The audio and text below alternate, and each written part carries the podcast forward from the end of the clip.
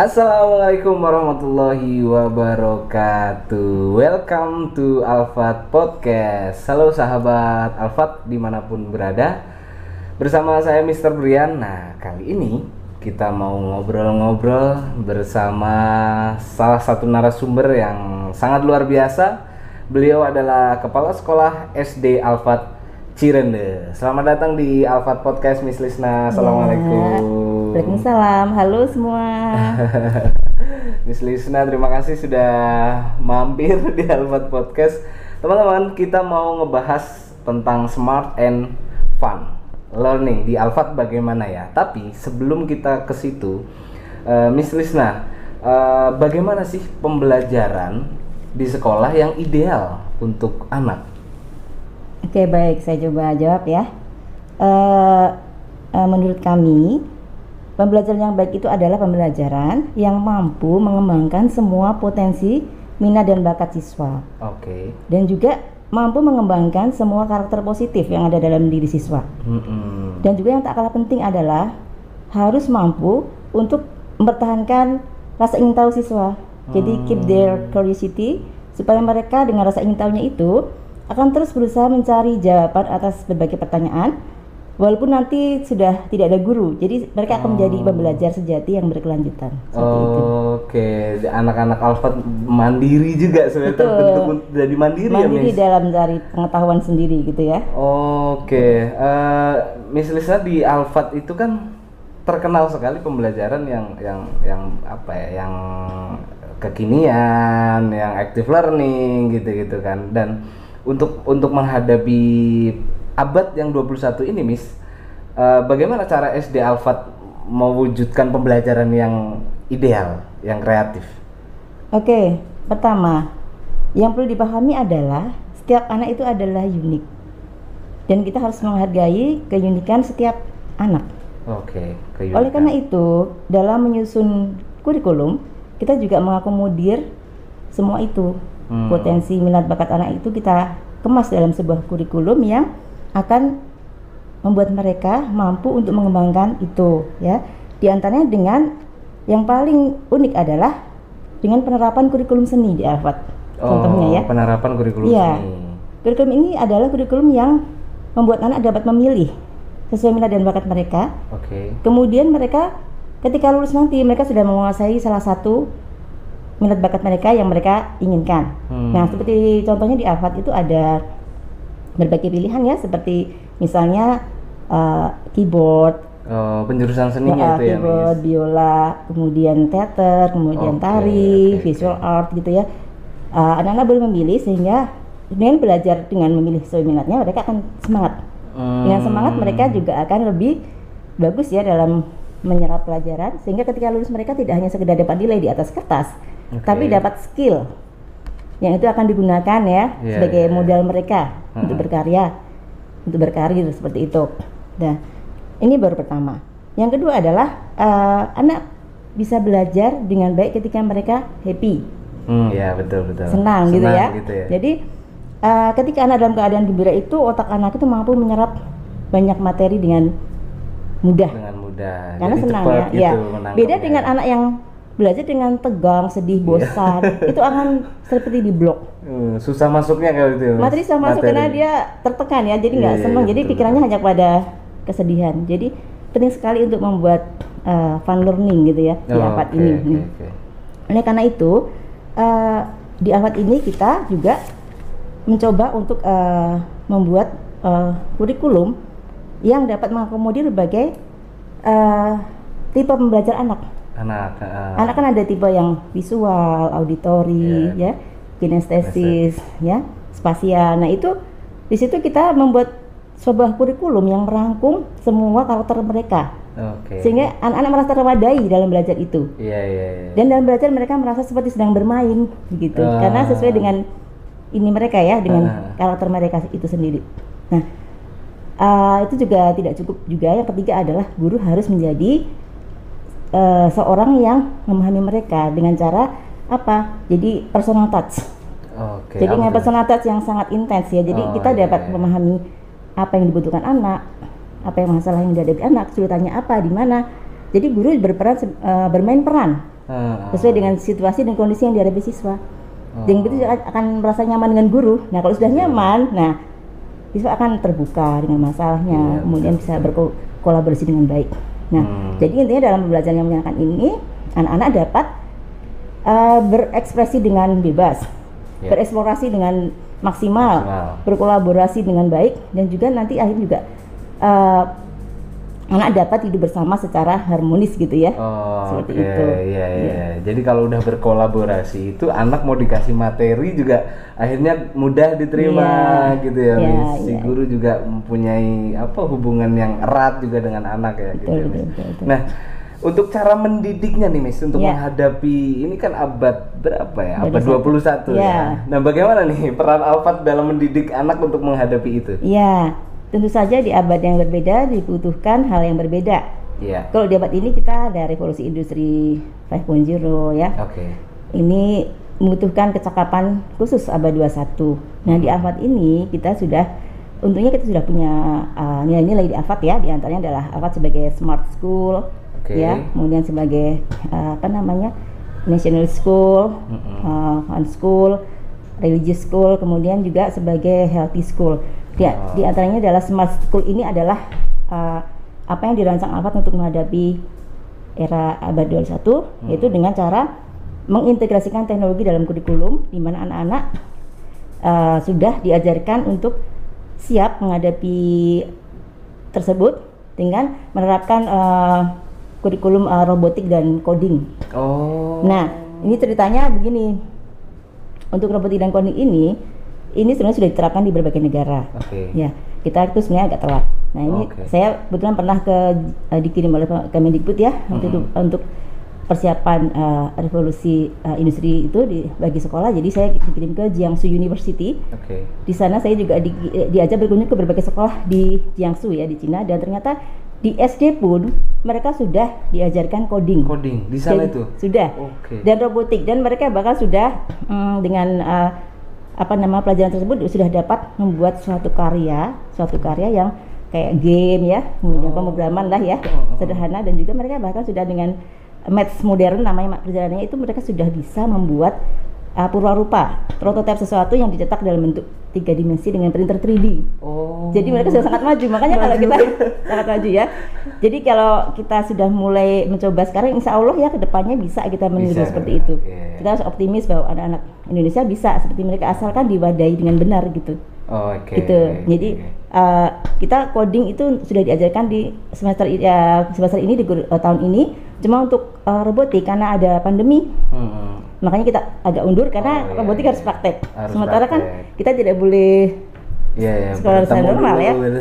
Nah, kalau coding diajarkan bisa karena mereka kan jarak jauh bisa dengan komputer masing-masing. Oh iya. Guru iya. uh, gurunya coding ini eh, akan membimbing mereka secara active learning seperti itu. Oh, Jadi gitu itu ya. kesiapannya uh, sejauh ini adalah seperti itu. Oke, berarti semoga saja nantinya bisa kayak Cina juga. iya, ya teknologinya maju ya Maju, bikin game Iya, ya, bikin game Mas? sendiri anak sudah bisa seperti itu. Oke, semoga aja lah. Iya. Lalu ini Miss, persaingan tadi eh, Miss Lisna mengatakan bahwa di kita sedikit tertinggal sama Iya. Indonesia ya. Iya. Di Cina anak SD sudah bisa bikin game, bisa bikin ini itu Iya, segala iya. macam. Itu kan namanya eh, persaingan global. Iya, Ya, betul, betul sekali. Nah, ini apa strategi dari Miss Lisna atau dari Alfat ini untuk mm, apa, menyiapkan siswa menghadapi itu persaingan ya, global? persaingan globalnya ya. Persaingan global ini eh, ada beberapa pendekatan yang bisa kita lakukan. Pertama tadi kan sudah ya dengan apa namanya coding dan robotik itu. Yang kedua adalah masalah komunikasi. Komunikasi. Jadi dunia global ini punya bahasa yang cukup universal ya, yaitu Oke. bahasa Inggris. Ya. Nah, alhamdulillah Alfat ini sudah menerapkan bilingual sejak tahun 2001. Oh, Jadi kita 2001 ya? di bahasa. Jadi kita sudah uh, di bahasa sejak tahun 2001 sehingga untuk uh, untuk menunjukkan bahwa kita sudah mampu untuk uh, bersaing adalah bahwa kita sudah banyak prestasi yang kita dapatkan ya Hmm. baik nasional maupun uh, untuk muridnya nasional dan untuk guru-gurunya adalah internasional ya. Jadi untuk guru murid ini sudah dengan kemampuan mereka berbicara speaking English every day, kemudian Oke. dengan kita ada Cambridge ya itu ya. Jadi anak-anak ini sudah meraih uh, peringkat dua tryout nasional untuk klasikal. Oh. Jadi tidak hanya satu orang yang untuk klasikal Iya. berarti itu sudah kelas. Sudah yaitu kelas itu ya. Peringkat dua nasional di tahun 2018. Itu Oh. yang mengadakan adalah IF.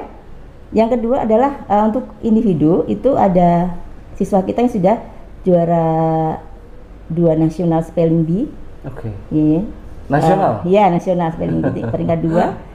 Padahal baru kelas 3 atau kelas 2 saya agak lupa nih. Oh, Oke oke oke. Nah, itu berarti membuktikan bahwa kita mampu bersaing ya. Nah, Hmm. kemudian selain itu untuk prestasi internasionalnya itu sekolah kita karena kita anak-anak kita mampu bahasa Inggris, Inggris dengan baik, Hmm. eh, dengan lancar dan juga guru-gurunya mampu, akhirnya kita eh, lolos seleksi untuk eh, pertukaran guru eh, dengan Korea dan Australia ya. Oh. Ya, jadi di tahun 2016 kita lolos seleksi untuk pertukaran guru Korea yaitu uh, kita mengirimkan tiga dua satu guru ke sana dan kita dapat dua guru dari Korea Oh, yang ya Oke. selama tiga bulan dan mereka mengajarkan culture bahasa sains dan math yaitu untuk intercultural ini ya per, per- uh, apa namanya kerjasama intercultural ya jadi Ah. multicultural gitu ya nah di situ kita anak-anak kita dapat banyak sekali manfaatnya Oh. mereka jadi bisa berbahasa Korea, gitu, ya, dikit-dikit menulis, ya. menulis Korea.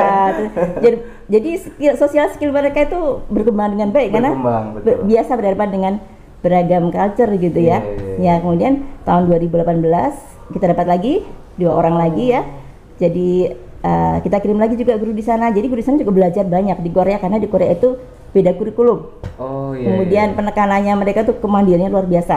Kemandirian luar biasa, kedisiplinan luar biasa sehingga kita bisa terapkan di sini gitu ya. Oh iya. iya. Kemudian di tahun ketiga kita juga lolos seleksi, eh, bukan lolos seleksi ya ditunjuk langsung oleh Dikbud untuk menerima tiga guru Korea. Jadi sudah dapat percayaan dari Kemendikbud. nasional dan Kemendikbud juga. Oke. Yang keempat ya dengan Australia itu dengan program Bridge. Ya dengan program Bridge ini Hmm. kerjasama uh, multikultural juga ya. Jadi kita ada uh, pertukaran guru juga dan kita mengirim dua orang ke sana dan dari sana kita dapat dua orang juga. Di situ kita uh, banyak yang banyak yang dilakukan ya antara lain programnya adalah sharing kegiatan. Jadi bikin- kita bikin satu kegiatan bersama mereka, kita sharing melalui video conference dan Zoom. Oh. Di situ anak-anak berkomunikasi langsung dengan siswa dari, Dari Swanhill. sana. Jadi Swanhill North Australia ya? Ya, Swanhill North Oh. Primary School itu dengan Zoom. Jadi Zoom Oh, kelas oke. gitu ya. Jadi mereka saling bertukar Hmm. bertukar pengalaman tentang pandemi ini. Hmm. Bagaimana mereka menghadapi pandemi. Kemudian juga tentang masakan Indonesia dan masakan Australia, mereka Iya, bertukar iya. resep. Jadi kan seolah mereka tuh sedang dengan teman gitu Iya, ya, iya, tapi dari iya. jauh di Jarak sana. jauh Jadi gitu. mereka ber- bersikap untuk saling menghargai, menghormati, jadi kan mengha- eh, mempelajari budaya. Oke. Nah itu kan skill yang sangat Iya iya. Ah, bagus ya. Nanti kalau dia bagus. tidak akan kaget kita akan Hmm. bersaing secara global dengan bertemu dengan orang berbagai bangsa itu sudah Iya. biasa. Jadi ada social skill yang terbangun dengan baik gitu ya. Dan juga apa namanya untuk anak-anak ini eh, manfaat lainnya juga adalah banyak kenalan di seluruh dunia. Iya. Dan sekarang zaman ada jejaring. Sekolah juga punya jejaring ya. Dengan jejaring ini Oke. kita dapat manfaat. Contohnya apa? Dari Australia kita selalu eh, dapat bantuan pelatihan kepala sekolah dan guru untuk teknologi dan juga untuk eh, kepemimpinan. Oh. Itu yang mengadakan adalah eh, dari Kemendikbud Australia dengan Monash University di Australia. Hmm. Oh. Jadi kita rutin di bimbing. Jadi kita karena mereka sudah maju ya untuk eh, belajarnya sudah berbeda dengan kita. Jadi tambahan baru lagi, kita serap lagi. Iya, jadi betul. selain anak-anak itu eh, jadi bisa mempelajari budaya bangsa lain, kemudian juga bisa belajar menghargai keberagaman, juga dia memiliki social skill yang bagus. Jadi tidak ketinggalan zaman, tidak istilahnya kalau di tidak malu-maluin ya, kalau nanti dia bergaul dengan eh, berbagai bangsa lain dia sudah punya kemampuan itu. Itu untuk persaingan global saya kira sangat perlu juga ya. Iya iya iya. Berarti udah memang udah terdidik dari kecil gitu Iya, ya. terus SD ya, udah, iya. SMP ntar jadi ah, kaget gitu jadi ya. bagus jadi bagian masyarakat global dunia Oh, gitu iya, jadi iya, jangan- iya. nggak boleh rendah hati minder atau apa kita bisa gitu Kita jadi bisa. bagian dari masyarakat global gitu Nah ini nih pernyataan kita bisa itu membuat kita semua optimis jadi nggak cuman nggak cuman untuk anak tapi dari guru juga ya Miss ya Iya, dari guru juga iya. harus optimis Iya. bahwa kita kita bisa gitu ya Iya. Miss. Wah itu bener-bener fun and smart. Nah, Iya. Itu barusan penjelasan dari Miss Lisna itu yang memang diterapkan di Alfat ya Miss ya. betul sudah Nah, terbukti dan terbukti Terbukti. prestasi-prestasi tadi yang disampaikan uh, oleh Miss Lisna itu ya ternyata nggak fun and smart itu nggak cuma main-main doang enggak. cuma nyenengin anak doang Iya, kan enggak bukan. Berbagai segi ya itu iya nah itu dia dan eh, Miss Lisna eh, harapan atau pesan dari Miss Lisna untuk sahabat-sahabat Alfat yang sedang menonton Iya. ini masalah pendidikan bagaimana? Ah, untuk orang tua yang care dengan pendidikan anak, anak itu adalah suatu amanah ya. Oke, kita ya, harus betul. memberikan yang terbaik buat anak kita. Iya. Bahkan dalam Islam kita tidak boleh meninggalkan generasi yang lemah di belakang kita. Eh, Dari, dari agama, dari pengetahuan dan semuanya. Nah di Alfat ini semua tersedia ya dari mulai pendidikan religiusnya, life skillnya, kemudian uh, di bahasanya, kemudian sainsnya semua kita sudah siap untuk menerima siswa-siswa yang ingin masuk ke Alfa dan kita memberikan jaminan bahwa anak-anak akan kita didik dengan baik sehingga nantinya akan jadi insan yang benar-benar uh, secara uh, apa namanya whole person ya manusia seutuhnya yang bisa bersaing secara global gitu. Iya, amin, amin. Emang beda kalau saya ngasih harapan-harapan, aduh, nggak nyampe, belum nyampe nih otak saya nih. Oke, aduh, seru banget sebenarnya kita masih banyak banget sebenarnya pengen ngobrol dengan Miss Lisna ini, tapi apa daya waktu sudah. Terima kasih Miss Lisna sudah mampir di Alfat Podcast. Sama-sama. Besok jangan bosen nih kalau Iya. mampir lagi di sini. Terima kasih, oke sahabat sahabat Alfat. Uh, tetap stay tune, tetap tunggu uh, informasi informasi dari kami di Alfat Podcast selanjutnya. Saya Mr. Brian, saya pamit. Assalamualaikum warahmatullahi wabarakatuh. Waalaikumsalam warahmatullahi wabarakatuh.